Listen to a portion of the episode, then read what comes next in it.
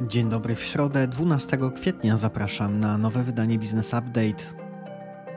Business Update to codzienne informacje biznesowe. Odsłuchaj przed pracą i zacznij dzień z przewagą. WIG20 wzrósł ponad 1,5% do 1783 punktów, podobnie rósł szeroki rynek. Najmocniej wśród blue chipów rósł Alior Bank prawie 5% do 41 zł 6 groszy. Na szerokim rynku na uwagę zasługuje wzrost Dadelo prawie 11% do 12,65. Dadelo to internetowy sklep rowerowy, a jego dzisiejszy wzrost może mieć związek z opublikowanym badaniem przeprowadzonym dla firmy Cross, z którego wynika, że 32% Polaków planuje zakup roweru za ponad 2000 zł. We wtorek wieczorem nieco umacnia się złotówka, dolar spada do 4,28, a euro do 4,67. Cena bitcoina rośnie do ponad 30 tysięcy dolarów. Gospodarka i makroekonomia.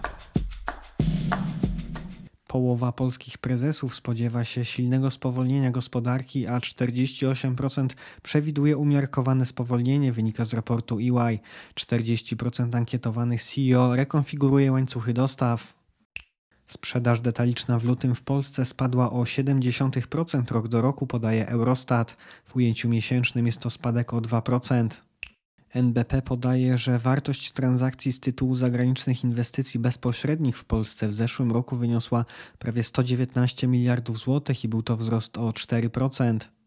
Natomiast polskie inwestycje bezpośrednie za granicą wzrosły do 8 miliardów 300 milionów złotych, podczas gdy rok wcześniej było to 7 miliardów. Ceny w sklepach detalicznych wzrosły w marcu tego roku średnio o 24%, w lutym było to 21%. Największy wzrost odnotowały karmy dla zwierząt domowych ponad 46%. Na drugim miejscu znalazły się warzywa, które odnotowały prawie 40% wzrost. Cena pieczywa wzrosła o prawie 28%. Grupa posłów PiS wniosła do Sejmu projekt ustawy znoszącej limit obrotu gotówką do 20 tysięcy złotych dla konsumentów w transakcjach z przedsiębiorcami i do 8 tysięcy złotych między przedsiębiorcami uchylającej przepis ustawy o tzw. Tak Polskim Ładzie. Obecne limity dla transakcji gotówkowych dla przedsiębiorców wynoszą 15 tysięcy złotych, a dla konsumentów nie obowiązują. Wiadomości ze świata. Prezes japońskiego banku centralnego utrzymuje, że należy utrzymywać luźną politykę monetarną, póki inflacja nie osiągnie 2%. Oznacza to, że japoński bank centralny nie zamierza w najbliższym czasie ograniczać ekspansywnej polityki monetarnej. W zeszłym roku w Stanach Zjednoczonych wydatki na budowę fabryk osiągnęły rekordowe 108 miliardów dolarów. Inflacja konsumencka w Chinach wyniosła 0,7% w marcu. Wskaźnik PPI obrazujący zmiany poziomu cen ustalonych przez producentów na różnych etapach procesu wytwarzania dóbr spadł o 2,5% rok do roku. Informacje biznesowe. Według badania przeprowadzonego dla firmy Cross, 32% Polaków planuje zakup roweru za ponad 2000 zł. Zainteresowanie to jest porównywalne do boomu z 2021 roku. Polacy chcą kupować lepsze i droższe modele rowerów, w tym rowery elektryczne. Średnia deklarowana kwota, jaką respondenci chcą przeznaczyć na zakup roweru, wzrosła o 17% w ciągu kilku ostatnich miesięcy. 15% kupujących korzysta z płatności odroczonych, a w planach ma to 40% kupujących, podaje BIG. Za pomocą kup teraz, zapłać później najczęściej kupowana jest odzież. Dla 27% ankietowanych korzystających z tej formy płatności decydujący jest brak pieniędzy pozwalający na zakup. Odsetek takich osób w zeszłym roku się podwoił. Polskie elektrownie jądrowe oraz konsorcjum Westinghouse i Bechtel planują podpisać w trzecim kwartale tego roku kontrakt dotyczący prac projektowych dla pierwszej polskiej elektrowni jądrowej na Pomorzu. Według szacunków projektowanie siłowni w technologii AP1000 potrwa minimum 2 lata. Dla pierwszej lokalizacji na Pomorzu, zgodnie z decyzją środowiskową, planowane są trzy reaktory AP1000. Allegro uruchomiło akcję Gwarancja najniższej ceny, zapewniającą najniższą cenę spośród najczęściej odwiedzanych sklepów internetowych. Spółka podaje, jeśli w ciągu 72 godzin od zakupu na Allegro produktu z oznaczeniem Gwarancja najniższej ceny, kupujący znajdzie tańszą ofertę w jednym z kilkudziesięciu wskazanych w regulaminie sklepów internetowych i zgłosi się do Allegro, otrzyma zwrot różnicy w cenie w postaci kuponu do wykorzystania na platformie. Maksymalna łączna kwota takiego zwrotu podczas trwania akcji to 200 zł miesięcznie. Wiadomości ze świata Tupperware Brands, amerykański producent plastikowych pojemników wielokrotnego użytku, zadeklarował istotne wątpliwości dotyczące możliwości kontynuowania działalności. Po tej informacji akcje spółki spadły o prawie 50%. Fuzje i przejęcia, inwestycje i venture capital. Sześć funduszy emerytalnych nie sprzeda akcji Ciechu w wezwaniu po 54,25 ogłoszonego przez KI Chemistry spółki grupy Kulczyk Investments. Fundusze zaznaczyły, że przy ocenie oferty kupna akcji Ciechu wzięły pod uwagę korzystne warunki biznesowe, brak nowych inwestycji w sektorze sodowym oraz stabilnie rosnący popyt na towary firmy. Pod oświadczeniem podpisały się drugi alians Polska OFE, OFE PZU Złota Jesień, Aegon OFE, Generali OFE, NN Life OFE i Nationale Nederlanden OFE. Market Planet, kontrolowany przez fundusz Avalon, przejął portal PZP działający w sektorze e-procurement, cyfryzacji zakupów w firmach i instytucjach. Portal PZP jako jeden z pierwszych na rynku kończy integrację z centralnym systemem Urzędu Zamówień Publicznych, archiwizującym wszelkie dane na temat przetargów, kategorii czy cen oraz zapewniający bieżący dostęp do informacji w prowadzonych przetargach.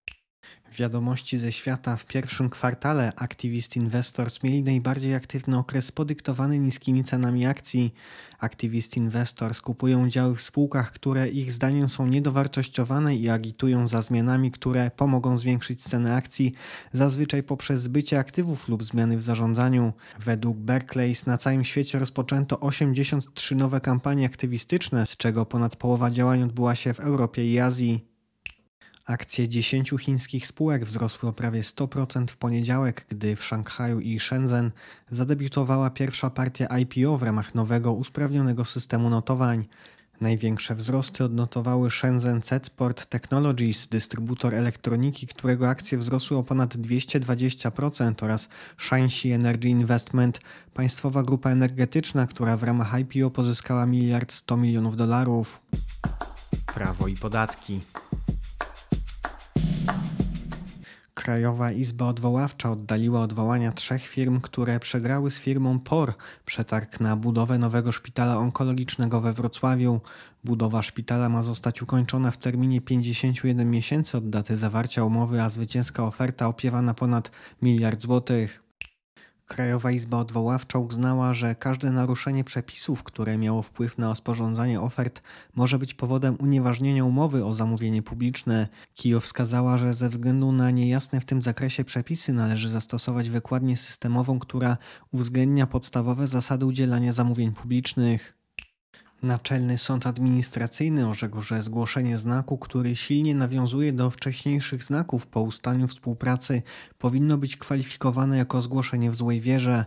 Wyrok ten zapadł w sprawie dotyczącej kolizji oznaczeń pryncyteka i pryncypałki. Wojewódzki Sąd Administracyjny w Warszawie orzekł, że spółka komandytowa powstała z przekształcenia spółki jawnej, która była również podatnikiem CIT, ma prawo pomniejszyć 19% PIT naliczany od przychodów komplementariusza o swój podatek. Odliczenie to jest możliwe za cały rok, a więc również za okres sprzed przekształcenia.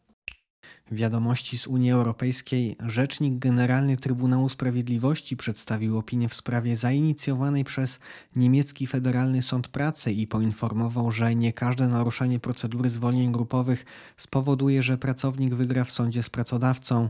Do tej pory przyjmowano, że nawet najmniejszy błąd w procedurach z ustawy o zwolnieniach grupowych daje możliwość zakwestionowania wypowiedzenia umowy.